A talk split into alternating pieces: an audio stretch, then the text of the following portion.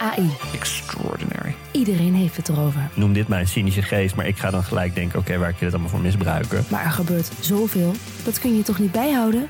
Jawel, want er is Poki. Een podcast over kunstmatige intelligentie... waarin ik praat met supernerd Alexander Klupping... Je kijkt me nu aan een soort van hoezo misbruik. en techfilosoof Wietse Hagen... Kunnen we dit normaliseren? Willen we dit normaliseren? over de wonderenwereld van AI. Do you like me? Status error. Luister, Poki. Ik ga nu ophangen. Bedankt.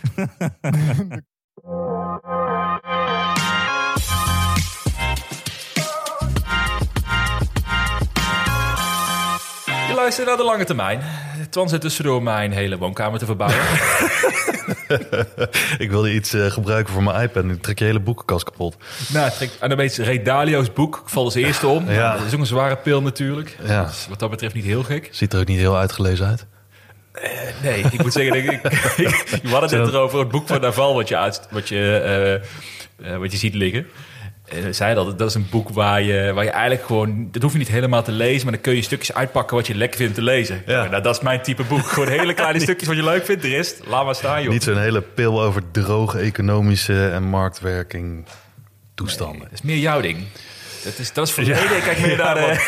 Want ik heb echt een leuk leven dat ik dat soort dingen doe. Nee. Ja, hè? Nee, Ja. Nou, ja, dat, nou ja, we gaan het zo meteen natuurlijk weer over dingetjes hebben, over actualiteit. Is zeker. Zaken. Dus, eh, maar je luistert dus naar de lange termijn. Eh, Twan en ik zijn twee doodgewone beleggers. En eh, vinden het nog steeds leuk. Ook al het, eh, staat de markt redelijk stil de laatste weken. Ja, ik vind het wel lekker eigenlijk. Ja. Ja joh, Gewoon, er gebeurt niet al te veel. Dus, eh, nou ja, het wist, er gebeurt niet al te veel. Er gebeurt genoeg, maar...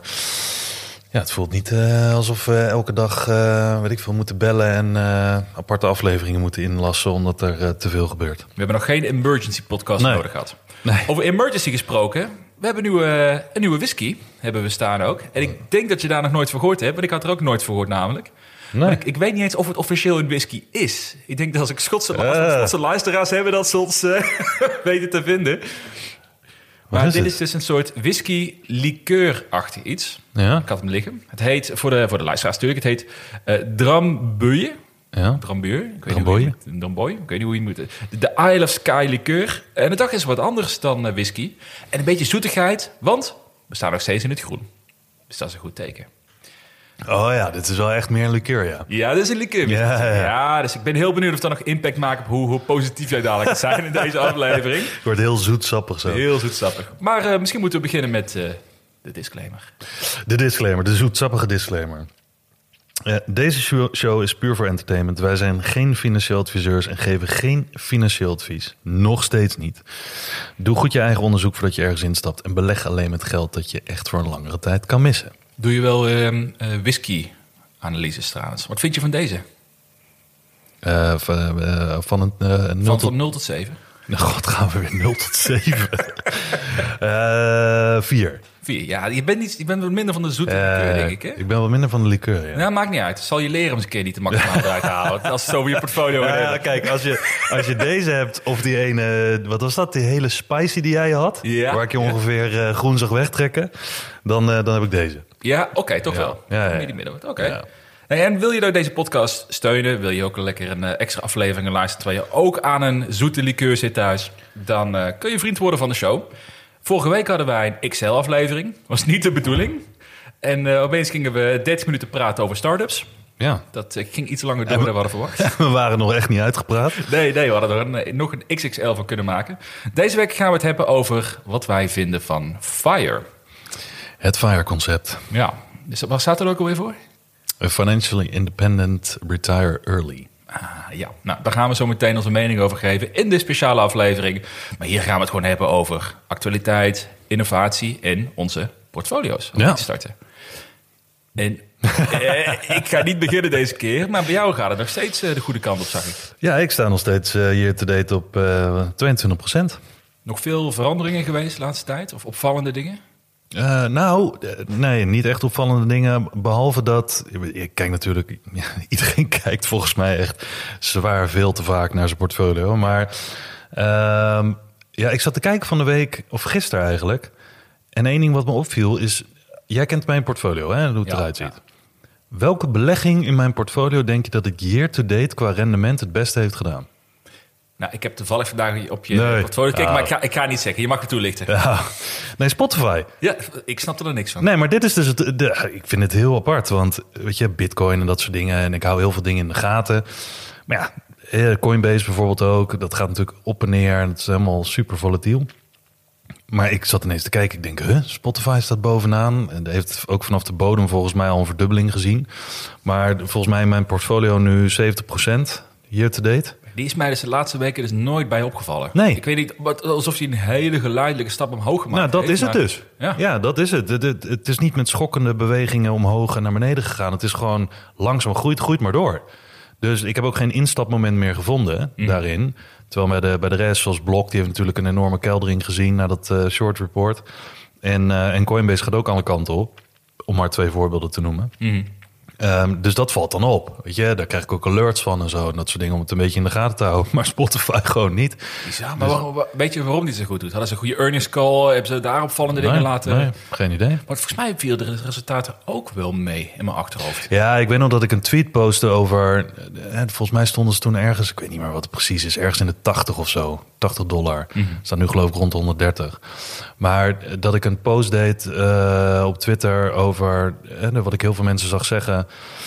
Eh, earnings vallen tegen, gebruikers gaan wel omhoog, maar nog steeds hè, alle metrics waar je het op kan baseren verder, die, eh, die vallen echt tegen. En toen postte ik twee dagen later, ja, de koers doesn't care. Ja. Oh, ik weet het weer. Ik heb er zelfs ook een tweet geplaatst met dit Spotify. Dat Ja. wordt nooit winstgevend op deze manier. Ja. Het is helemaal niks, valt tegen. Ja, ja, dat klopt. Ja. Ja, joh, ik weet het echt niet meer af en toe. Nee, en, sinds, en sindsdien is het maar door blijven groeien. Dus eh, kennelijk eh, is er toch iets wat de markt verwacht, eh, wat ze beter doen dan eh, afgelopen earnings. Ik ga er toch induiken. Ik, vind, ik herinner mij nu inderdaad, dat ik daar toen over tweette... dat, ik, dat het zo'n waardeloos in mijn beleving earnings was. Maar als de koers dan zo blijft stijgen... Ja, bizar. Ik ga uitzoeken waar het door, eh, door komt. Ja. Maar dat is een mooie verrassing dan. Ja, zeker. Ja, nee, dus, eh, Ik heb dus nooit gegeven trouwens. Die, ik had die nooit in de top 10 gezet van jouw portfolio niet eens. Spotify Nee. dit jaar. Nee, ik ook niet. Ik ook niet. Ik, ik, ik denk zelfs dat het de positie is waar ik op een gegeven moment, als het van die vier losse aandelen, Ja. was het misschien degene waarvan, als iemand had gevraagd welk van die vier zij als eerste katten, dan was die het geweest. Ja. Een paar maanden geleden. Maar goed, dus eh, nee, ik ben blij dat ik hem toch heb. ja, toch bizar. Het is toch on- onmogelijk om zoiets in te spellen ook. Hè. markt, de eh, markt doet wat de markt doet. ja, En hoe is het met jouw portfolio? Nou ja, eh, we hebben dus een zoet likeurtje, want ik sta nog steeds in de zwarte cijfers. Als zwart je- of groen? Zwarte cijfers. Er zijn geen groene cijfers. hè. Nee, zijn er geen groene Nee, er cijfers? zijn geen groene cijfers. Nee, nee, nee. nee, nee dat- maar het is eh, plus 0,25 procent. Oh, ik ken- lekker. Ik ken nog steeds een noedelsmaaltijd kan ik me betalen ermee eh, vanavond. Nee, nee, ik heb wel qua een kleine update. Ik heb een nieuwe positie geopend in eh, Planet Labs. Nou, waar we het de vorige keer over hadden. Ja, dat was een Ja, jij de noemde dat, toch? Dat was een van de drie Ja. inderdaad, ja. Ik noemde ook Ion Q, die is vanaf dat moment 30% gestegen. Oh. Die heb ik niet gekocht. Lekker dan? Planet Labs is gedaald, sinds ik het genoemd heb. Ah. Dus, eh, maar ja, sorry, maakt, maakt helemaal niet uit. Nee, maar ik heb die, eh, die gekocht als een soort combinatie van big data bedrijf, maar ook combinatie met ESG. Mhm. Die hebben, wat zij doen, heel kort, is zij hebben een eh, satellietennetwerk waarmee zij dagelijks de hele aarde fotograferen. En dat ze kunnen bijvoorbeeld zien of een, voor, voor bijvoorbeeld als je, ehm, hoe, hoe de maisvelden, hoe, hoe, eh, hoe noem je dat? Hoe, ehm, niet gezond ze zijn, maar hoe, ehm, ik ben de term even kwijt. Als, als het extra goed bloeit. vruchtbaar. Hoe vruchtbaar, Vruchtbaar, hoe ja. vruchtbaar bouw, eh, eh, verbouwgronden zijn. Hè? Ja. Nou, daar kom ik. Bijvoorbeeld, maar ze houden de Oekraïne-oorlog in de gaten. Nou, eigenlijk, ze houden dus gewoon continu, iedere dag hebben ze meerdere foto's hoe de, hoe de aarde verandert. En die data is op meerdere manieren dus goed te gebruiken. Mhm. Nou, vond ik een interessant bedrijf door die combinatie. Maar ook omdat ze best sterke cash hebben liggen nog. Flinke cashpositie ten opzichte van een verlies. Dus ze kunnen best wel wat jaren overleven. Ehm, iets wat een tijdje op mijn lijst stond. Dus daar heb ik een hele kleine positie mee gekocht. Is dat een Amerikaans aandeel of niet? Het, het is een Amerikaans aandeel, ja. Ze hebben het dus wel typisch. Ze hebben dus wel nu een, een Europees bedrijf hebben ze gekocht. Ja. Die achter eh, Sentinel Hub zit. Die hebben eigenlijk de, software gebouwd om de data die je onder andere dus vanuit eh, Planet Labs krijgt, kunnen analyseren tot bruikbaar iets. Eh, en die is dus bijna volledig gefinancierd door de Europese overheid of de Europese overheden. Dus Oh, echt? was wat van, nou lekker, dan eh veel gefinancierd en overgenomen worden door de Amerikaanse partij. Ja. En we zijn het weer kwijt in Europa. Check. Dat is lekker. Maar dit heb ik toegevoegd. En voor de rest ben ik gewoon een beetje bijkopen geweest. Met eh, Google. Ik moet trouwens zeggen, de laatste erover. En dan gaan we door. Google voelt voor mij zo vies om te kopen. Hoezo? Nee, het, het voelt bijna alsof ik Nasdaq ETF koop. Ah ja, ja, dat kan ik me wel voorstellen. Ja, iedere- Ja. ik doe het nu wel. Iedere maand koop ik Google bij. En dan denk ik, doe ik weer een stukje, weer een stukje. En denk ik, van, ja, ik had ook gewoon iets leukers kunnen kopen. Zo voelt het bijna. Maar die positie staat wel in de plus, toch? Dat is de enige die in de plus staat. Ja, nou, ja. Dus ja, het, Dus, voelt eh, heel vies, maar toch ook wel lekker. Ja, nee, precies. precies. Nee, dus wat dat betreft gaat het, is dat wel de juiste keuze. Ja. En de lange termijn gaat eh, ook nog steeds prima, zag ik. 8 Ja. 6 procent. Ja, dus eh, bijna 9% En eh, we hebben afgelopen maandag de vierde inleg gedaan. Ja.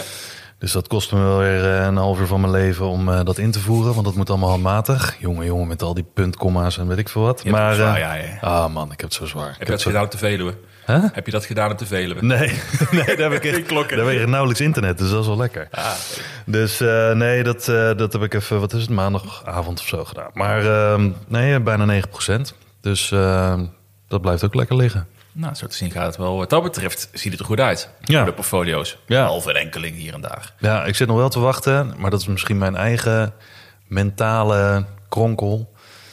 Ik zit nog wel te wachten tot, tot het, zeg maar, too good to be true verhaal Mhm. echt blijkt dat het too good to be true is. Ja, want welk, we- welk opzicht? Nou, in het opzicht van, de- ik, ik, zie iedereen, ik zie iedereen zo bullish zijn en zo soort van, ja, ik niet, ik, ik word zelf ook een beetje gemakzuchtig Hmm. door hè, 22, 22% in je portfolio. En ik zat ook van de week te kijken, ik sta alweer bijna kiet eh, als het gaat om heel 2022. Mhm. Dus alles wat ik toen ben verloren in 2022 op papier natuurlijk. eh, dat sta ik met het rendement van nu en extra inleg. Sta ik nu weer bijna op, eh, op kiet. Dus, Oh, dus dat, dat, is, dat voelt lekker. Mhm. Maar het voelt ook bijna alsof het een soort van effortless- effortlessly gaat. Ja. Alsof het echt zonder moeite. Dus ja, dat, alsof je er niet echt keihard voor moet werken. Dus dan heb ik al heel snel zoiets van: ah, oké. Meestal als ik me zo voel, Mhm, mhm. dan krijg ik daarna wel even een klap op mijn kin. En dan eh, realiseer ik me weer van: oké, zo makkelijk is het dus toch niet. Ja. Maar goed, misschien ja. is dat mijn eigen mindset. Nou ja, ik denk het wel. Want als je natuurlijk kijkt naar die poll waar we vorige week over hadden. Dat, het- wat was het nou? 35% van jouw eh, Twitter-volgers stonden op verlies Ja. dit jaar. Ja. Is natuurlijk niet marktbreed aan het geval. We hebben dus schijnbaar toch een heel sterk portfolio samengesteld voor deze omstandigheden. Ja. Bitcoin en dergelijke. Ja, ik bedoel, ik, ik leg het vaak onder, onder vergrootglas. Maar ik denk gewoon dat de combinatie van de dingen die ik heb, daar kan ik me op zich eh, eh, rustig bij voelen.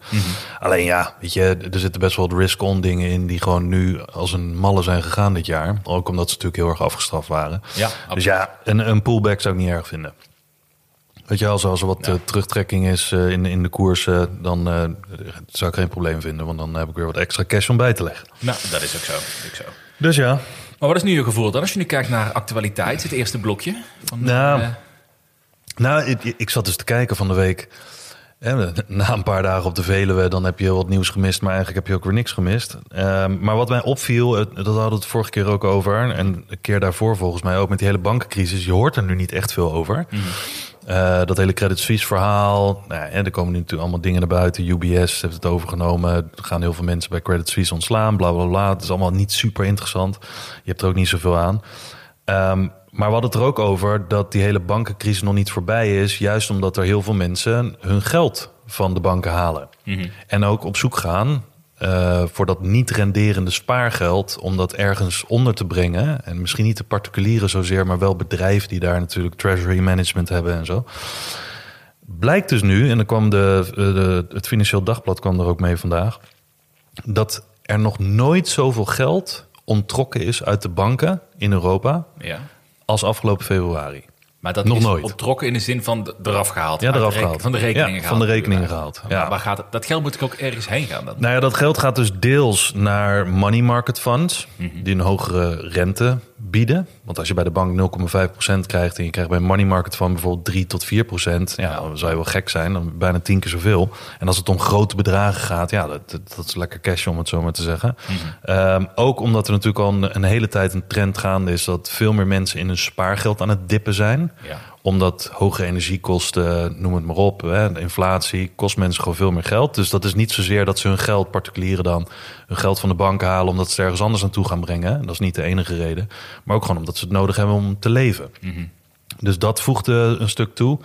Ehm, en ja, gewoon, gewoonweg mensen die, of eh, eh, bedrijven voornamelijk, die het nodig hebben ook om hun eh, operations te financieren. Mhm. Eh, omdat ze nu niet meer goedkope leningen kunnen krijgen. Dus al die onttrekkingen, of al die redenen, zorgen voor nu de grootste onttrekking van geld. eh, sinds, ja, ze zeggen eh, ooit, maar dat is omdat in 1997 zijn ze begonnen om, om het te meten. Oh, stand, ja, maar ja. Maar ja, dan nog. 25 Weet je wel, afgelopen 25 jaar. dat, is, dat is aanzienlijk. En ook in Amerika eh, kwamen ze met rapporten naar buiten. En onder andere JP Morgan, die zei ook... eh, Jamie Dimon, de CEO van JP Morgan, die zei... ja, dit gaat echt wel verre... eh, langstrekkende gevolgen hebben, zegt hij. Je altijd even natuurlijk met een korreltje zout nemen als een bankier dat zegt. Maar die, die, die, eh, die gaat natuurlijk ook een beetje goed op zijn eigen verhaal in zijn eigen sector. Maar die zei ook, en eh, daar kwamen rapporten naar buiten, dat het in Amerika ook hetzelfde verhaal is als in Europa. Enorm veel mensen. dat? Zeg maar, wat, wat, zijn, wat zouden de gevolgen kunnen zijn in dit geval? Nou ja, de gevolgen kunnen zijn dat er meer banken omvallen. En vooral kleinere banken. Dat is één. Ten tweede, mensen die bang zijn en bedrijven die bang zijn om hun geld kwijt te raken. Ook omdat er heel veel bedrijven, met name bedrijven zijn die boven een depositogarantiestelsel niveau zitten. Dus die halen dat geld dan weg, zetten het ergens anders neer. Vaak in money market funds. Ehm, maar dus mensen halen hun geld van de bank af, waardoor de kleinere banken dreigen om te vallen. En die kunnen dat niet blijven financieren. Dan krijg je een consolidatie in, naar grotere banken. Want als jij je geld bij een kleine speler eh, weghaalt en je moet het ergens parkeren, dan doe je dat bij een grotere bank. Ja, ja. Ja, moet je ergens heen. Dus die grotere banken worden nog groter. Dat blijkt nu ook al. Enorme inflows. Ehm, ja, en ja, het, het gevaar is natuurlijk dat dit... Ja, hoe zeg je dat? Zo'n soort olievlek wordt. Waar, waar we ook nu nog niet van kunnen overzien wat voor effecten dat heeft. En één van die dingen die die olievlek kunnen gaan bereiken... is bijvoorbeeld commercieel vastgoed. Want banken zijn over het algemeen de grootste verstrekkers van eh, leningen en de grote, grootste financierders van eh, commercieel vastgoed. Ehm, ja, dus dat, dat zou ook een, eh, een, een enorm effect kunnen hebben voor commercieel vastgoed, wat nu al voornamelijk in heel veel steden leeg staat. Omdat veel meer mensen werken thuis, kantoren worden gesloten eh, van grote bedrijven, die zien daar ook geen hel meer in. Dus ja, dat, dat zou nog best wel eens een instorting van de prijzen daar kunnen zijn. En wat je dan krijgt, is als die prijzen instorten en er zijn zoveel banken Hè, die, die, moeten, die hebben dat als onderpand, om het zo maar te zeggen. Ehm, ja, die moeten dat dan ook gaan liquideren tegen een eh 30%, 40%, weet ik veel hoeveel eh, korting. Kijk, in de Silicon Valley Bank-achtige tafereel. Ja. Gewoon verlies moeten nemen, Ja. dat niet kunnen volhouden. En dan, Ja, eh, en, en trek dat even wereldwijd door, dan, eh, dan heb je dus een groot probleem. Of dan kan je een groot probleem hebben. Maar eigenlijk wil je daarmee zeggen dan ook dat de bankencrisis, zoals we een paar weken geleden uitgebreid over hadden, dat is toch, dit, dit is meer een signaal dat het nog niet ten einde is. Dat er nog steeds meer problemen Nee. op de horizon liggen eigenlijk. Ja, en dat zegt ook iedereen. Mhm. Tenminste, iedereen. Dat zeggen mensen die er verstand van hebben. En ook mensen in de bankenwereld zelf, maar ook verzekeraars. Die zeggen ook van ja, dat je er nu niet heel veel over hoort, wil niet zeggen dat er niet heel veel aan de hand is. Ja, Dus het zou zomaar kunnen zijn dat we straks weer vier weken van eh, paniek en ellende tegemoet gaan. Als het om het nieuws gaat natuurlijk. Maar er wordt hier wel degelijk achter de schermen hard aan gewerkt om, eh, om te zorgen dat, eh, dat dit niet een enorme, ja, een enorm lopend vuurtje naar een brandhaard overslaat. Zie je dit ook ergens anders dan, dan daar reactie op? Nee. Ja, nee, dat weet ik niet. Nee, maar bijvoorbeeld zie, zie je dingen in de markt gebeuren waarbij je denkt dat is eigenlijk vooruitlopend al dat er problemen bij de bank zijn. Daar, eh, daar, daar kun je nu al iets op. eh, Nee, ik denk het enige wat je nu ziet is gewoon letterlijk dat mensen... Hè, je ziet een aantal dingen. Je ziet, je ziet berichten dat bijvoorbeeld goud, zilver en dat soort dingen het goed doen. Mensen positioneren zich daar meer. Dat is ook omdat het zijn allemaal van die doemverhalen. Weet je wel, van oh, de hele financiële wereld gaat instorten. Ja, kan. Je ziet nu onwijs veel nieuwsberichten van mensen die al twintig jaar honderdduizend keer schreeuwen dat we de ergste financiële crisis eh, tegemoet gaan ooit.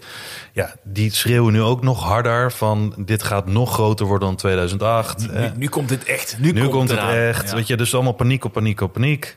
Kan allemaal zijn, maar ja, mensen worden voorzichtiger door meer paniek te lezen. Hmm. En mensen lezen nou eenmaal veel doemnieuws. Dat doet het beter. Dus ja, ik heb geen idee, maar ik denk eh, gewoon in de gaten houden. Er verandert nog steeds niks aan mijn strategie. Dus, ehm, eh, maar het is, zeker, het is zeker nog niet voorbij. Ik, ik hoorde laatst iemand zeggen eh, in mijn kennissenkring. eh, die zei van, eh, nou, blij dat, dat, eh, dat we dat gehad hebben Ha, ja, ja. omdat de kranten er niet vo- eh, volledig meer over schrijven. Het is een beetje zoals met de oorlog in Oekraïne. Op een gegeven moment was het echt eh, hot topic. En nu ineens eh, was er niks meer te melden of weinig meer te melden. Maar het is niet over. Ja, ja, er precies. gebeurt nog steeds van alles daar. Maar de aandacht is De afgeleid. aandacht is We afgeleid. Ze hebben weer het nieuws het nodig. Ja, mensen worden het een beetje beu, hetzelfde nieuws continu natuurlijk. Ja, klopt. Dus, en verder wat me nog opgevallen was, is wat heel belangrijk is natuurlijk voor de economie. Eh, dat is een banenrapport. Ja. Eh, wordt voornamelijk in, eh, in Amerika altijd uh, nauwlettend in de gaten gehouden. Want je kan je zo voorstellen, in goede tijden willen alle bedrijven willen zoveel mogelijk mensen aannemen. Dus dan komen er heel veel banen beschikbaar. Uh, die worden ook goed opgevuld. Hè? Dat, dat is goed voor of tegen de werkloosheid, om het zo maar te zeggen. Maar in een booming economy heb je nou eenmaal veel mensen nodig om je bedrijf te laten groeien. Um, maar op dit moment, uh, volgens mij vandaag, dus we nemen dit op woensdag op, was er een banenrapport uh, uitgekomen voor maart. Mm -hmm. uh, die viel tegen. Die was slechter dan verwacht. En ook slechter dan vorig jaar. Want als je het in het eerste kwartaal vergelijkt, uh, waar het aantal banen wat nu uh, beschikbaar opgevuld waren, um, was de helft van het eerste kwartaal van vorig jaar. Maar betekent dat dat er meer banen zijn gekomen? Of nou, er zijn nog steeds meer banen gekomen. Ja, nee, maar het is net met inflatie.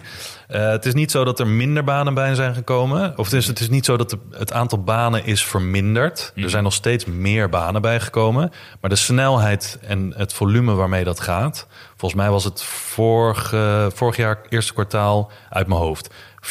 400.000 banen, noem maar iets. Mm -hmm. um, volgens mij was dat het. 400.000 banen bijgekomen en nu 175.000. Okay. Dus en dan kan, kunnen mensen zeggen van, joh, wat heb ik daaraan? Nou, dat, dat is een signaal wat ook de uh, Federal Reserve in de gaten houdt. Want als dat op een gegeven moment echt heel erg gaat inkrimpen... Mm -hmm. dan zegt dat wat over de economie. Dat zegt wat over bedrijven die nieuwe functies uitzetten.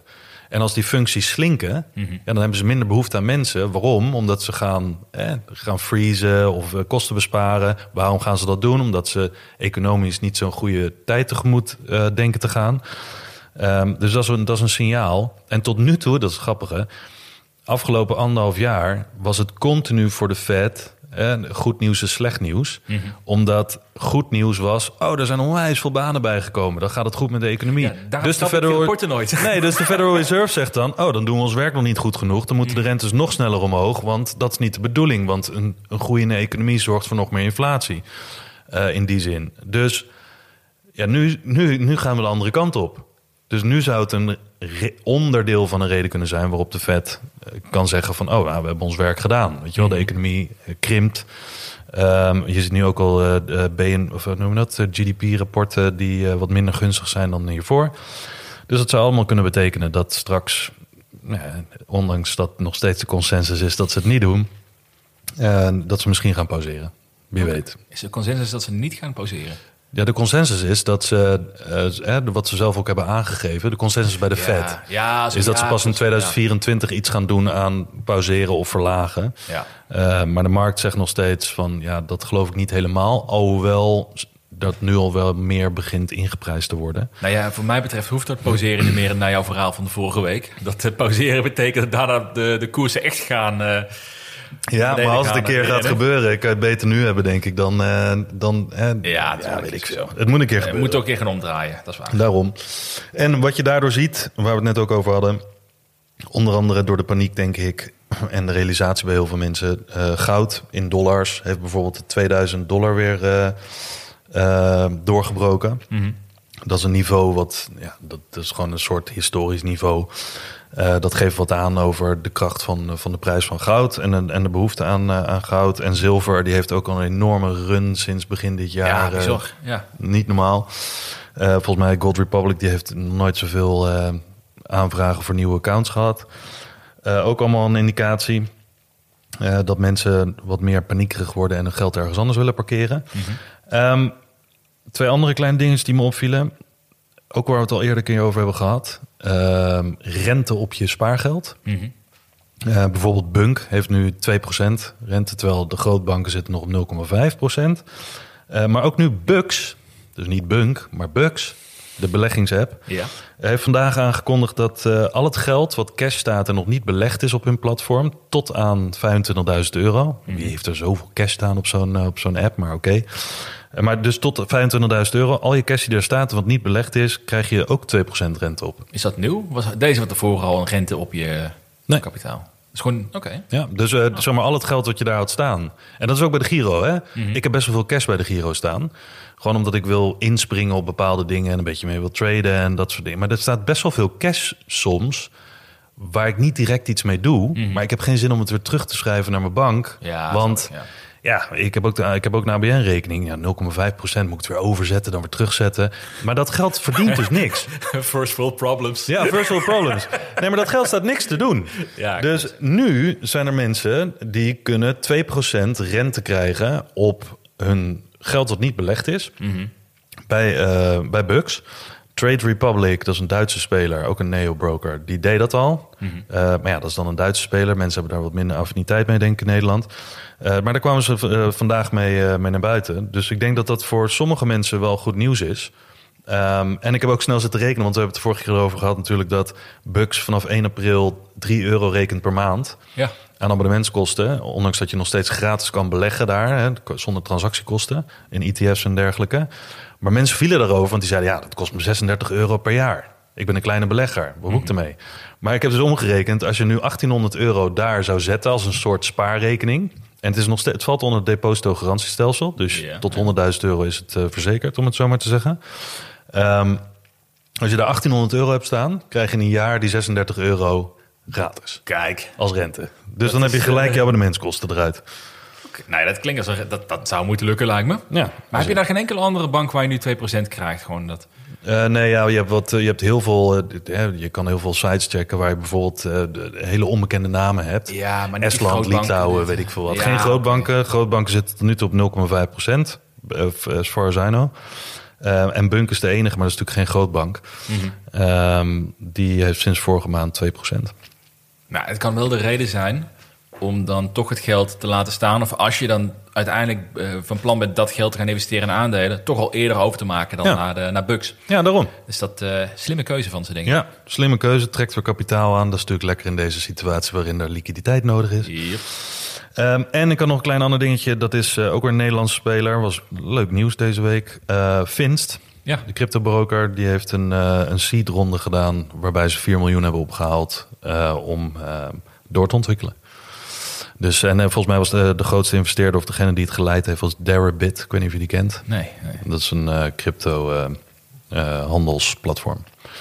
Dus, eh, en die hebben gelijk al aangekondigd... we gaan, eh, we gaan grote, leuke dingen doen. En eh, nou ja, even verwachten op het nieuws. Nou ja, kijk. ah, Ik denk alle initiatieven voor Nederlandse start-ups om te zorgen dat die succesvol zijn, zijn super. Ik vind het top. steunen. Ja. Dus eh, los ervan, we hebben het natuurlijk erover gehad. Jij hebt het ook getest, geloof ik. Hè? Ik was er zelf wat kritisch over, omdat je je crypto niet eraf kan halen. Nee. Maar goed, los daarvan, het persoonlijke voorkeur. Het is mooi dat we in Nederland weer zo'n fintech kunnen gaan. Ja. eh, En en stel dat- groot kan worden hier ook. En stel, hè, bedoel, als dat je enige, dat, is, dat zou ook mijn enige ding zijn bij platformen die lanceren en dan zeker met crypto en je kan het er niet van afhalen. Ik heb natuurlijk veel ellende mee gezien de afgelopen eh, twee jaar. Stel dat ze bijvoorbeeld volgende week aankondigen, het kan wel. Dan gaan ze wel een stap zetten, denk ik. Dat ja. denk ik ook. Ja. Dus eh, het zou kunnen, geen idee. Dat waren de nieuwtjes. Leuke ontwikkeling. Maar heeft er nog, ik ben altijd benieuwd. Dus jij, kijkt natuurlijk veel meer naar actualiteit hè, dan, eh, dan ik naar kijk. We hebben het er een paar keer over gehad. Maar ga je, als jij zoveel nieuws leest, hè, zie je wat er allemaal speelt op dit moment. Heeft dat ook geen impact aan hoe jij met beleggen bezig bent? Of in ieder geval dat je meer of minder zorgen gaat maken over zaken? Ja, nou ja, ik, ik moet er wel op letten. Dat, eh, ik, ik heb zeker periodes gehad, Ja. ik kan mijn vriendin eh, beamen, dat ik elke dag wel thuis kwam met een beetje een zwaar hoofd. En ook best wel negatief. Ja. Eh, maar dat zijn natuurlijk fases. Als je zoveel van het nieuws absorbeert, ja, waar je focus op hebt, dat, dat groeit. En dat, dat negatieve, dat groeide bij mij. En, eh, maar inmiddels, ja, inmiddels valt het mee, want ik zie het nieuws gewoon meer als het nieuws. Ik ben ook redelijk selectief, denk ik, in de dingen die ik lees. Ook snel- heel snel headlines. Ehm, maar om dit soort ja, dingen, zoals bijvoorbeeld van Bug Zero en Finst en weet ik veel wat. En ook de vorige keer met, eh, met wat was dat? Ehm, Substack. Ja. Ja. Dat soort nieuwtjes vind ik leuk. Ja, dat, maar dat is precies. Maar dat hele doom en gloom, economische macro gebeuren en eh, eh, we gaan allemaal naar de verdoemenis. Nee, ja, dat, ja, eh, dat, dat skip ik. te- Daar heb ik mijn portie, denk ik, toch wel genoeg van gehad.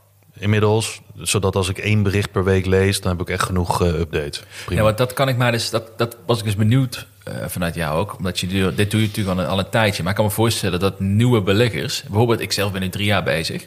Ik, ik denk soms dat het meer eh, kwaad kan doen dat, dat het je oplevert door echt de beurs actief te volgen. Ja. Omdat je ten eerste heel weinig, het heel moeilijk is om eruit te halen wat het nou echt voor je betekent. ja. Eh, slecht nieuws verkoopt beter. Je zegt Ja. het al. Er was een onderzoek vorige week. Er stond dat eh, titels met de naam slecht of verdoemenis dingen gaat acht keer wordt er Ja. meer gekeken dan met dat. positieve dingen. Nou, dat is eigenlijk al genoeg.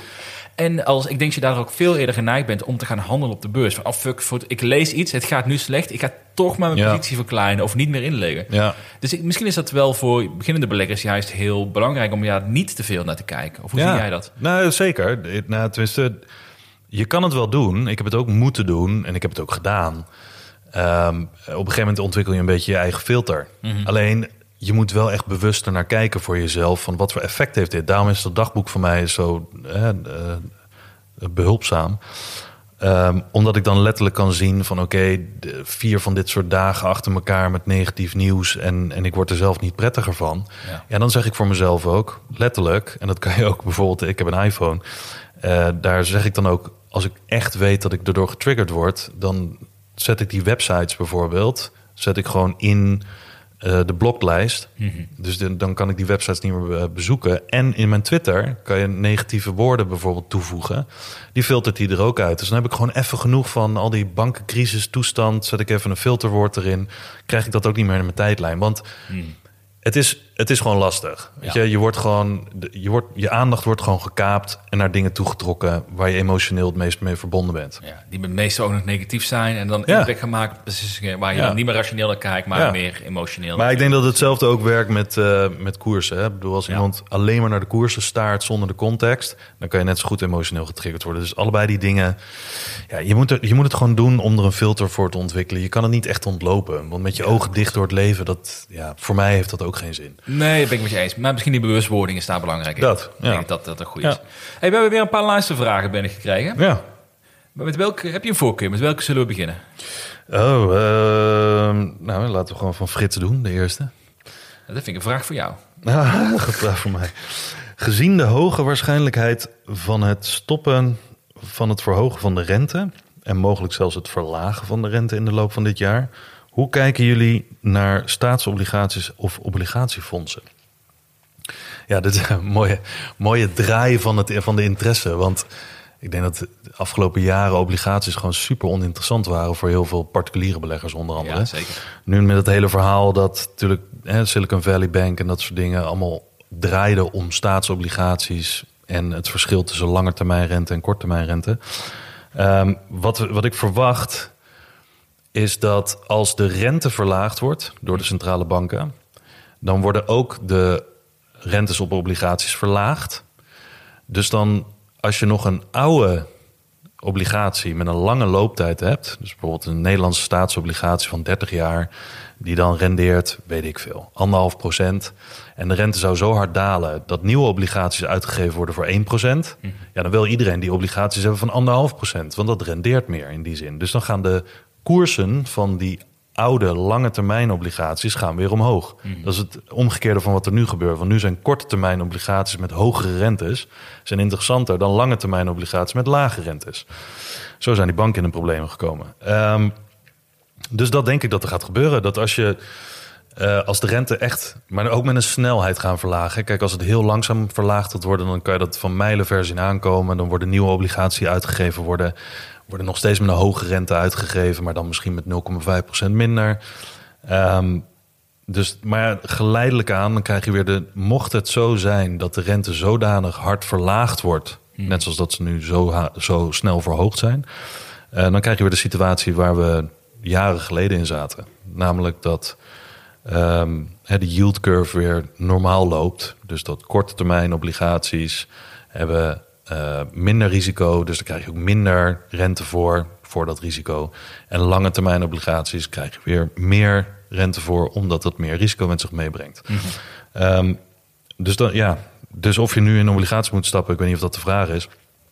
Ehm, dat, dat vind ik lastig om te zeggen. Ik zit zelf niet in obligaties. Ik heb er wel veel naar gekeken. Eh, maar let wel op mocht het gaan draaien, dan kan je een situatie krijgen waarin de obligatie die je op dat moment koopt, eh, een hogere rente heeft dan de obligaties die een half jaar of een jaar daarna uitgegeven worden. Dus dan heb jij interessantere obligaties in je handen. Dus als je het wilt doen, dat is nu een goed moment, denk je, allicht. Nou ja, of het nu een goed moment is, weet ik niet. Het zou nu een goed moment zijn als eh, de rentes gaan pauzeren en gaan dalen. En je houdt het voorlopig alleen bij eh, bijvoorbeeld één of tweejaars obligaties. Ja, ja precies. Ja. Ehm, ja, dus dat. En, eh, maar wie zal het zeggen? Voor hetzelfde geld gaan de rentes nog omhoog. En dan zit je nog steeds met eh, obligaties die, ja, die minder rente hebben dan dat over een half jaar uitgegeven wordt. Weet jij veel? Ja, het is allemaal niet meer. Nou, daar hebben is allemaal speculeren. Precies, komen we terug wat we het begin zeiden. Dus het is allemaal niet Ja. te voorspellen meer. Ik denk qua obligaties één ding wat wel belangrijk is. Dat geldt ook voor die Rabo-certificaten. Alhoewel Rabo-certificaten hebben natuurlijk een beetje een risico dat het een oneindige looptijd is. En dat mensen daar risico mee lopen. Dat als de Rabo failliet gaat, dat ze dan hun geld niet terugkrijgen. Want dan sta je achter in de rij. Ehm, maar als je bijvoorbeeld een, een staatsobligatie hebt en die loopt 10 jaar. ehm, en je bent in de gelegenheid om hem te kopen voor onder de 100 euro, want 100 procent, zo gaat dat bij een obligatie, onder de 100 procent. En je laat hem gewoon aflopen voor die 10 jaar, dan kan je je geld in principe niet kwijtraken, want hij wordt altijd weer afgelost op 100 procent. Dus als je nu op 96 euro, dus 96 procent staat, eh, dan heb je nog 4% te winnen. Weet je, als, het- als het echt heel slecht gaat met die obligatie, dan kan je alsnog, kan je over 10 jaar, ja, moet je gewoon even wachten. Maar dan wordt hij uiteindelijk wel weer gewoon voor par, hoe ze dat dan noemen, afge, af- afgelost.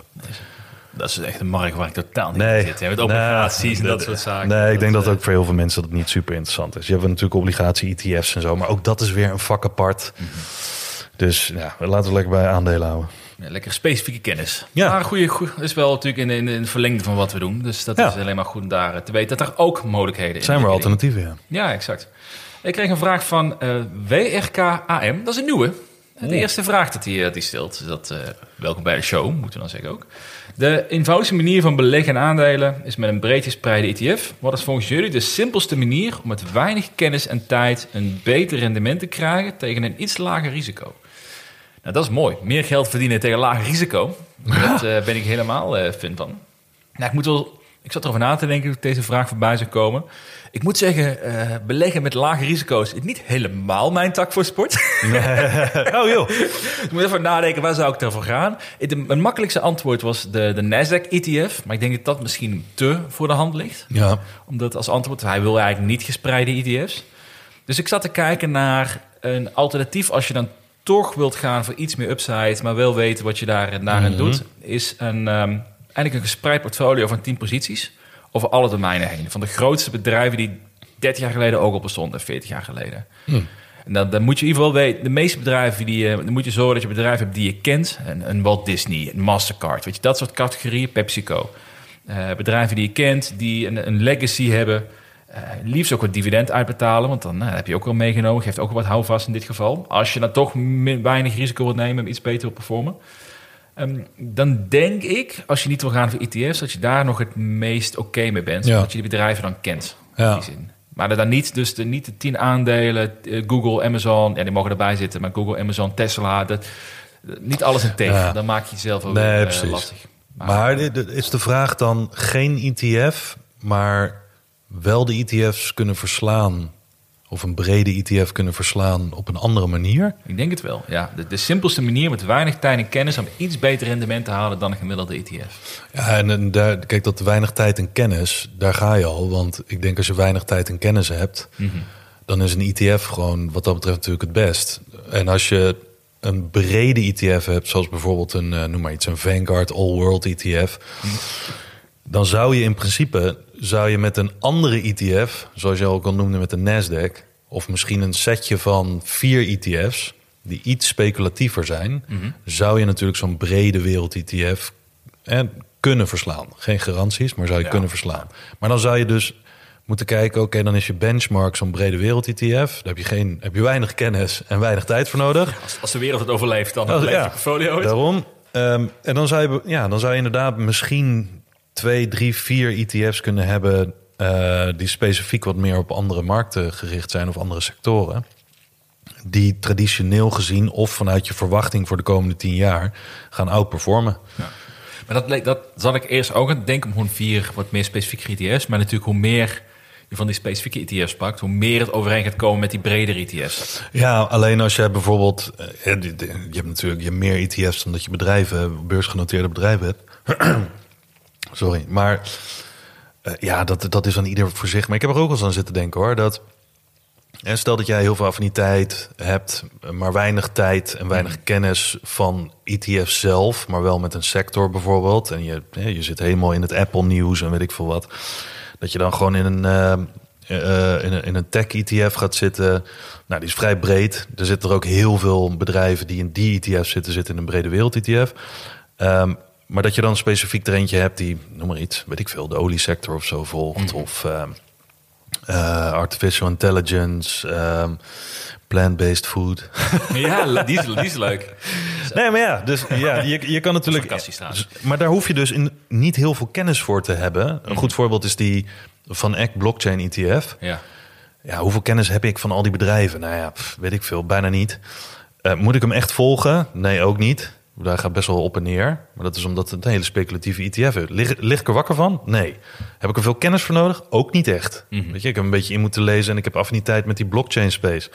Maar om nou te zeggen, ik weet echt alle, het, alles van die bedrijven die in die ETF zitten. Nee, nou kan ik er rustig op inleggen. Nee, maar als je, als je ETF's mag kiezen als antwoord op deze vraag... Ja. sowieso terugkomen op jouw eerste punt. Als je geen kennis en tijd hebt, moet je sowieso gaan voor ETF's, denk ik. denk Anders het ook. maak je jezelf probleem. Ja. Maar misschien ook, je kunt er misschien ook voor kiezen voor een brede ETF... en dan aangevuld met één of twee bedrijven die heel Ja. veel kent in de markt. Ja. Stel jij een techie bent, je weet precies wat Microsoft Ja. en Google doet... kun je daarvoor gaan. Je hoeft er niet 100% erop in te liggen. Vind ik ook nog steeds een goede, ja. Want dan heb je een soort hefboom Ja, op misschien de topbedrijven in die ETF. Ja, een brede wereld ETF. En dan neem je gewoon, weet ik veel, de, uit de top 10 neem je drie bedrijven waar je veel affiniteit mee hebt. Die gaan mogelijk outperformen. En dan heb je misschien net een procentje of twee procentjes meer exact. rendement dan, dan de ETF zelf. En de bedrijven die je volgt waar je sowieso interesse in hebt. Apple die met nieuwe producten komt. Als je dat altijd Ja. volgt. Dan is het ook Ja. logisch om daarin te investeren. Ja. Dus dat zou denk ik een goede kunnen zijn. En dan een laatste snelle vraag. En dat is eh, Mark. Die staat al weken op onze planning namelijk. Hij vroeg ons een tijdje geleden van... eh, voor welk bedrag of rendement zouden wij voor altijd stoppen met beleggen? Ja. Ja, daar heb je over moeten nadenken, denk ik. 0,5 procent. Nee. Zeker. Nee, ja, ik zou nooit, ik bedoel, zeg nooit nooit, maar ik zou niet stoppen met beleggen. Want kijk, voor welk bedrag zou ik stoppen met beleggen? Ja? Voor het bedrag wat ik voor ogen heb dat ik uiteindelijk met beleggen voor elkaar kan krijgen. Hoeveel is dat? Nou, noemen ze een bedrag 5 miljoen. Ja? Oké, maar dat is 5 miljoen je bedrag. Ja, 5 miljoen zou ik stoppen met beleggen. Oké, Mark, je weet wat je te doen staat. Ja, top. Eh, en welk rendement? Ja, niet. Ik bedoel, dan, eh, dan zou ik hetgene wat ik nu heb Mhm. m- moeten vermenigvuldigen met het rendement wat ik wil hebben. Tot, zodat ik bij die 5 miljoen kom. Ja, nee, exact. Dat. Misschien één van de twee is Ja. eigenlijk de... Nee, ik zat zelf dus aan... Ik kwam op 2 miljoen kwam ik uit. Oh, dat is wel bescheiden. Ja, ja. Een klein bedrag. Ah. Wel gewoon twee, twee miljoentjes, hoe ze het ook Ja, heel erg noemen ook. twee miljoentjes. Voor, voor klein worden, miljoenen zijn helemaal, helemaal vreselijk. Nee, maar ik dacht als je daar eh, 3 of 4 procent rente op kan krijgen... of dividend of iets dergelijks in die richting. Ja, maar dividend, je mag niet meer beleggen. Hè?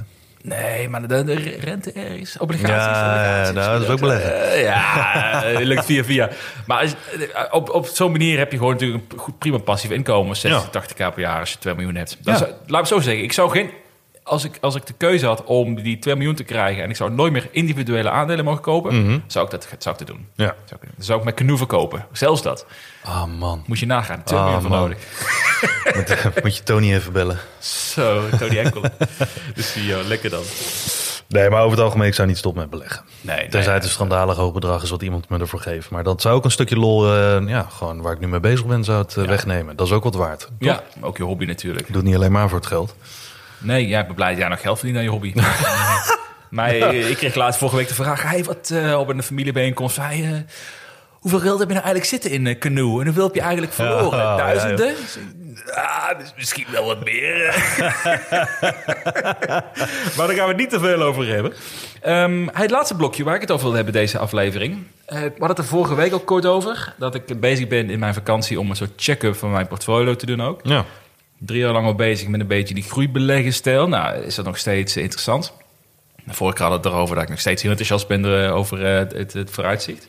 Alleen ik heb deze week heb ik mij iets meer gaan inlezen over de, wat gebeurt er nou achter de schermen. En wat is er nou de voorgaande jaren met dit soort aandelen gebeurd. Want ik kan wat gevoel hebben van het gaat vast wel beter komen. Maar is het ook ergens om dat te gaan, eh staaft het ook ergens. Ja. Anders blijft het eigenlijk meer hopen Ja, dan dat je ergens op, op, op baseert. En wat ik interessant vond, ik kwam een artikel tegen. Waarbij ze eh, kijken naar hoe bedrijven, met name groeiaandelen, of startende bedrijven moet ik eigenlijk zeggen, hoe die worden gepercipieerd door de beurs over de tijd heen. En dat schijnt vaak in vier fases schijnt dat dus te gaan. Ik had er nog nooit van gehoord. Maar het begint dus altijd met een, een opwaartse beweging, met het ontdekken van een aandeel. En het speculeren, de upside speculeren. Ja. En zoals we twee jaar geleden zagen, wow, 3D-printing komt Ja. door, dit gaat helemaal door het dak. Ja. Korte computer komt eraan, gaat door het dak. Die fase hebben we allemaal heel goed, eh, heel goed eh, meegemaakt.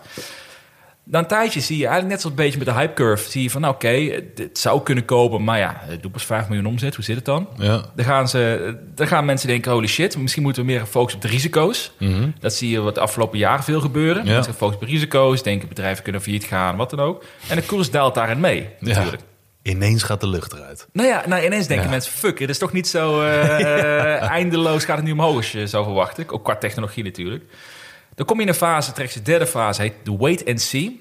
De, de, de- sta je echt op de bodem sta je dan. Dat is een beetje de fase waar we hopelijk nu rond zitten. Ja. Dat mensen denken optimaal of de maximale pessimisme. Ze denken dat het bedrijf gaat nooit meer iets worden. Dat is al 80% gedaald. Dat gaat nooit meer richting eh, all-time high komen. Nou, dat Ja. is een beetje het gevoel. En dan zegt de markt zegt eigenlijk... We gaan het wel zien wat jullie ervan gaan maken. Bewijs nu maar dat je winstgevend wordt. Bewijs Ja. maar dat je je revenue verwachting kan waarmaken. Dan is de hopium eruit. De hoop is volledig eruit. Ja. Sterker nog, het is helemaal op de bodem. Ze zeggen nu, wij geloven niks meer wat je zegt. Ik wil het nu zien. Ja. Ik denk ze in die fase heel veel aandelen op dit moment zitten. Ja. En dan moet je bewijs leveren, bewijs leveren, bewijs leveren. En als je genoeg bewijs geleverd hebt, dan zegt de beurs weer... oké, dit- je hebt bewezen, geloven erin, we gaan opnieuw herijken... wat je het aandeel van het bedrijf volgens ons waard is. Ja. Best wel interessant. Dat is echt zo'n grafiek die, waar je zeg maar, een enorme stijging ziet... enorme daling naar beneden en langzaam zich weer herstelt over de periode heen. Nou, en ik zat erover na te denken. Ik dacht van, nou, ik denk inderdaad dat dat een hele logische manier is om te, te, te kijken naar de periode waar we in zitten. Want ik denk, daar zal jij waarschijnlijk, nou, misschien wel mee eens zijn. Net als met alles in de markt, alles is cyclisch. Ja. Ik denk met groeiendelen, Ja. ben je het mee eens? We nu redelijk aan de onderkant zitten van de, van de, de, de bearish kant van het cyclische aspect. Ja, de zaten, denk ik. Ja. Ja, je ziet wel wat herstel dit jaar. Ja. In ieder geval bij de wat meer de, Nou, bedrijven. ja, als je sommige koersen ziet verdubbelen, dan kan je natuurlijk niet echt spreken. over- En, en ook best wel een korte tijd. Kan je denk ik niet echt spreken van hartje winter. En iedereen heeft het moeilijk. Nee, ik had eigenlijk verwacht dat de, traditioneel wat je ziet zijn de speculatieve aandelen dalen als eerste. Ja. Daarna gaan er wat zekere tech-aandelen mee en daarna komt de hele markt. Nou, wat we eigenlijk nu zien is dat de tussenhaakjes zekere tech-aandelen, die zijn flink hersteld de Ja. afgelopen eh, drie maanden. Eh, speculatieve groeiendelen totaal niet. Nee. Nou, hoe komt dat? Doordat eh, de rente natuurlijk verhoogt, kapitaal wat moeilijker te krijgen. Nu komen we in een fase. En dat is dus, dus eigenlijk nu zitten we, wat mij betreft, zitten we nu in een fase waarbij, dus de, ehm, waarbij rente natuurlijk enorme impact maakt op wat beleggers vinden van, van, van dit soort aandelen. Nu gaan we langzaam een fase in, denk ik, waar het gaat normaliseren. Rentes. Je zegt wel, misschien gaat het een beetje stijgen, maar het zal, het zal niet meer gaan verdubbelen. We gaan niet naar rente van 10% toe. Laten we er even vanuit gaan dat Nee, dat niet. ja. En ik denk dat het eerder zal dalen dan dat het veel verder zal stijgen. Ben je het ermee eens? Ja, ik denk dat we de, de, de ruimte om te stijgen is kleiner dan de ruimte om te dalen. Ja. Ik, ja, exact. Ja. exact. Dus, dus mijn aanname is daarin ook is dat over een periode van een jaar gezien is de kans groter dat de rente lager staat en dat we nog verder zijn gestegen. Ja. Dat het eh, is. Dus betekent eigenlijk ook, wat je tegelijkertijd ziet natuurlijk, is dat de focus van beleggers is nu gegaan van eh, hypergrowth bedrijven die groeien ten koste van alles, gaan naar bedrijven die winstgevend ten koste van groei moeten zijn Ja. ook. Maar als je dadelijk in een fase komt, denk ik, dan is een beetje waar ik over sta na te denken bij, de, bij, eh, bij dit model.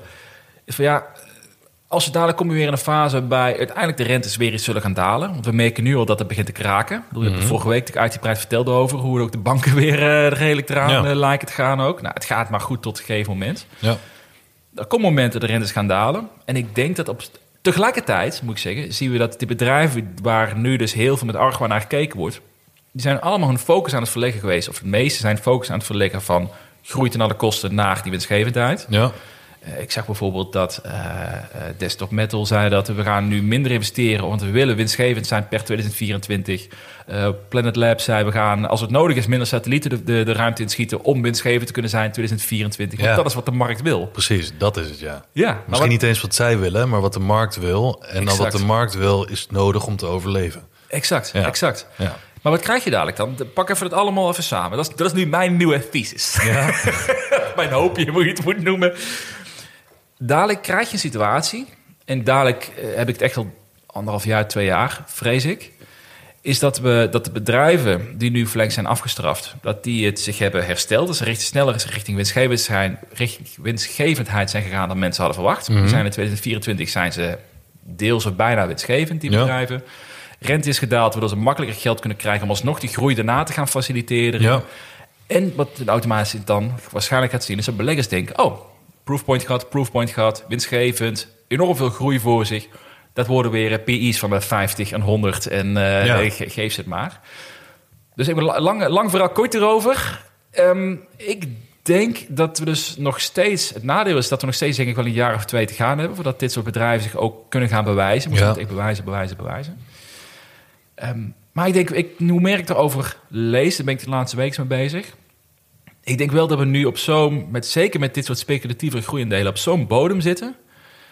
En als je de juiste eruit kan pikken, niet iedereen zal het gaan overleven. Maar ik denk als je nu Gelukkig de juiste niet, eruit nee. pikt. Nee, gelukkig niet. Nee. Een hoop rotzooi natuurlijk tussen. Virgin, eh, Virgin eh, Orbit. Orbit. is Ja. eh, kapot gegaan Ja. ook hè, deze week. Ehm, maar ik denk dus wel, en dat is wat we altijd als beleggers heel veel roepen, maar als het moment daar is heel weinig doen, is je moet kopen als op het moment dat niemand het wil kopen. Ja. En heel veel van deze aandelen staan redelijk op de bodem. Terwijl als je kijkt naar cashpositie, groei die ze doormaken, dat is eigenlijk nog steeds een complete miswaardering in heel veel gevallen. Dus eigenlijk wat ik met een heel lang verhaal kort wil zeggen, ik denk eigenlijk dat dit gewoon een heel goed moment nog steeds is om in dit soort aandelen te blijven zitten. Ja. Denk ik. Zeker met de verhaal wat ik net vertelde, twee jaar vooruitkijkende. Maar denk je dan, want dat is altijd de vraag bij mij. En aannemende dat we nu op een traject zitten waarin we op de bodem, rond de bodem zitten. En aannemende dat dat zo is. eh, dan komt er een filtering van bedrijven die het niet meer redden. De Virgin Ja. Orbit is dan hè, nu faillissement. Ik denk dat er meerdere komen. Ja. gewoon aan het einde van hun runway zitten en gewoon. Hè, Die dat- heel goedkoop worden overgenomen. Heel goedkoop worden overgenomen. De- Je krijgt een hele calling of the herd, om het zo maar te zeggen. En ehm, dan is het de vraag voor een belegger om dat soort dingen te doen en daarin te beleggen. Als je nu zou weten dat je op de bodem zit, leg je in één keer je hele positie in. Ja, ja. Of je bouwt het rustig op. Wat, wat, jouw stijl is meer zo snel mogelijk positie opbouwen, toch? ja, klopt. Ja, dat is grappig. Want mijn, voor mij is het dus andersom. Waarmee ik dus het risico zou lopen om die bodem compleet te missen. En niet volledig geïnvesteerd te zijn en een positie te hebben als de markt inderdaad gewoon door blijft groeien. Ja. Voor specifieke aandelen.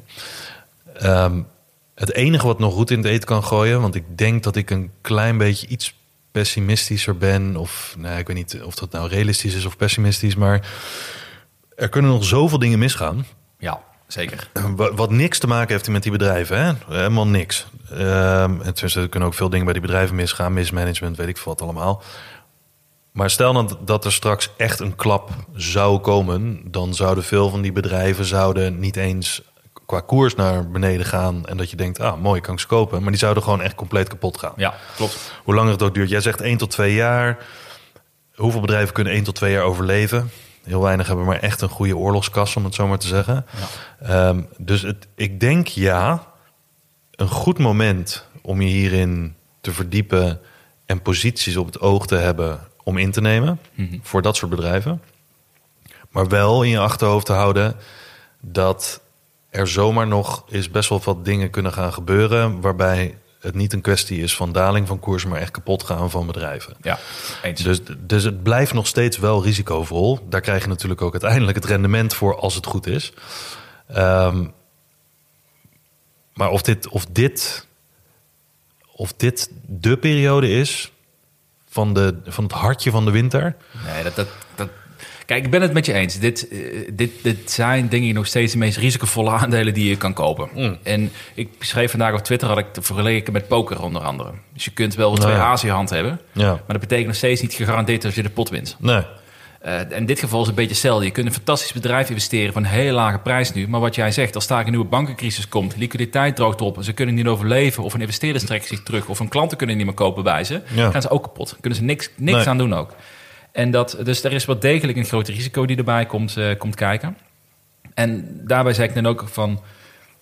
Ik had dus eigenlijk verwacht een tijd geleden dat het sneller zou gaan. Dat we sneller deze type aandelen zich zouden gaan herstellen. Ja. Dat zag je begin van het jaar. Toen Ja. ging mijn portfolio 30% Ja. omhoog. Nou, dat is weer heel wat teruggezakt inmiddels.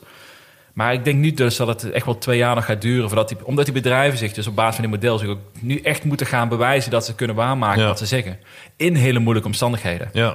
Dus, eh, dus die context wat je toevoegt is een hele goede. Ik zou zeker niet als je wat, zeker niet als je het lastig slaapt, als je aandeel 10% daalt, zou ik niet te veel geld hierin stoppen. Nee.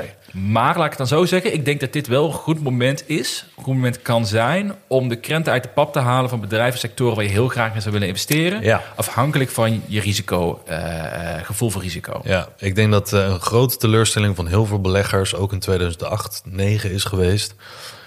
Dat ze heel veel dingen op de radar hadden, Mhm. Maar niet een plan hadden gemaakt. Als dit gebeurt, dan ga ik ofwel in één keer ofwel rustig instappen. En vervolgens nog steeds aan het focussen waren op wanneer is de bodem, wanneer is de bodem, wanneer is de bodem. Ja. Terwijl als je eh, heel graag een bedrijf wil hebben of een bepaalde bedrijf in een bepaalde sector waar je veel van verwacht. En het is met 80, 90 procent gedaald. Ja, joh, moet je dan nog op 95 procent wachten? Klopt. Nee, ik denk dat mensen zich te veel daarop focussen. Weet je wel, van het kan nog lager. Ja, dat kan. Dat kan. Maar ja, over, als je echt voor de lange termijn erin gelooft, wat maakt jou het uit? Of Ja. het nog. eh, Nee, en wat relatieve waarderingen. Dus ik had bijvoorbeeld nu te kijken naar, eh, om daarmee af te sluiten, Planet Labs, Labs heb ik toegevoegd vorige week. Ja, die staan heel laag als je kijkt naar de koers over het afgelopen jaar. Maar eigenlijk zegt dat niet heel veel. Ze Nee. waren gewoon overgewaardeerd een jaar geleden. Ja, Zo moet je ja. het ook zien ook. Eh, maar daar zie je bijvoorbeeld dat ze, ehm, als je kijkt naar de mate van cash wat zij een kas hebben. Dus als je, als je dat eraf haalt van een waardering, dan kom je uit op enterprise value. Dat is drie keer de omzet van afgelopen jaar. Ja, ja. Nou, dat bedrijf groeit nog steeds 40, 50 procent per jaar. ze worden verwacht winstgevend te zijn eind volgend jaar. Het is best een interessant vooruitzicht. Ja. En ze maken volgens mij iets van 13 miljoen verlies. En ze hebben iets van 400 miljoen op de, rekening staan. Ja, dus die gaan het er ook wel overleven. Dan denk ik, dit is zo aantrekkelijk. Ik ga nu openen. Ik ga gewoon continu bijkopen als het minder gaat. En, voor, eh, voor iemand die weet hoe hij dat moet waarderen, ja, dat zijn de krenten. Ja, en dan kun je Ja. nog steeds denken dat je twee A's in hand hebt... en nog steeds dat op, op tafel 2-2 komen en iemand anders heeft een 2. Ben je nog steeds de lul, Ja, maar... kan. Ja, kan. Maar met een, met een 3 en een 5 denken dat je de pot gaat winnen, dat is natuurlijk een ander verhaal. Nee, maar dat, eh, dat kan nog steeds. Hè? Ja. Nee, maar ik denk dat dat was eigenlijk meer mijn conclusie voor, voor dit verhaal. Is van, ik denk dat de beleggers die in mijn type aandelen zitten, zoals je kent, die eh, zullen niet de makkelijkste twee jaar achter de rug hebben. Nee. Misschien zoek ik een beetje hopium, zoals dat mooi noemen ook. Maar ik denk wel, als je gewoon puur kijkt naar hoe cyclisch een markt werkt, absolute waarderingen erin en hoe de, hoe de een beetje aan het, aan het eh, veranderen is, ook macro-wise.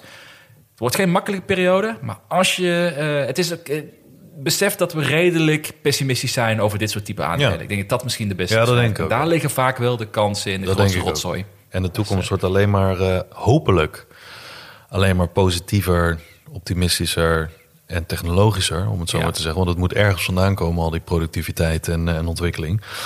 Dus ja, ik heb er ook wel, eh, nog wel hoop in. En, en ook wel geloof in trouwens. Ja, in die zin. ja. Dus eh, Accepteren dat er misschien ook een paar aandelen door het, eh, door het putje kunnen gaan. ja, maar ja, dat is het. Nou, ik ga gewoon twee jaar bijkopen en over drie jaar spreken we elkaar weer. En dan eh, tot die tijd ga ik mijn update niet meer geven op portfolio. we gaan hem afronden, denk ik. Hè, Yes. deze. Heb jij nog een laatste toevoeging aan het verhaal? Nee. Nog iets? Nee. Nog eh, groeten door je vrienden en familie, danken of zo? Nee, nee, dat doe ik wel bij de 100% rendement. Ja, helemaal goed. Nou, dan wil ik jullie allemaal bedanken voor, eh, voor het luisteren. We zijn lekker op weg met een aantal luisteraars ook. Dus eh, dank jullie allemaal. Zeker degene die iedere week luisteren. En eh, Tot de volgende week.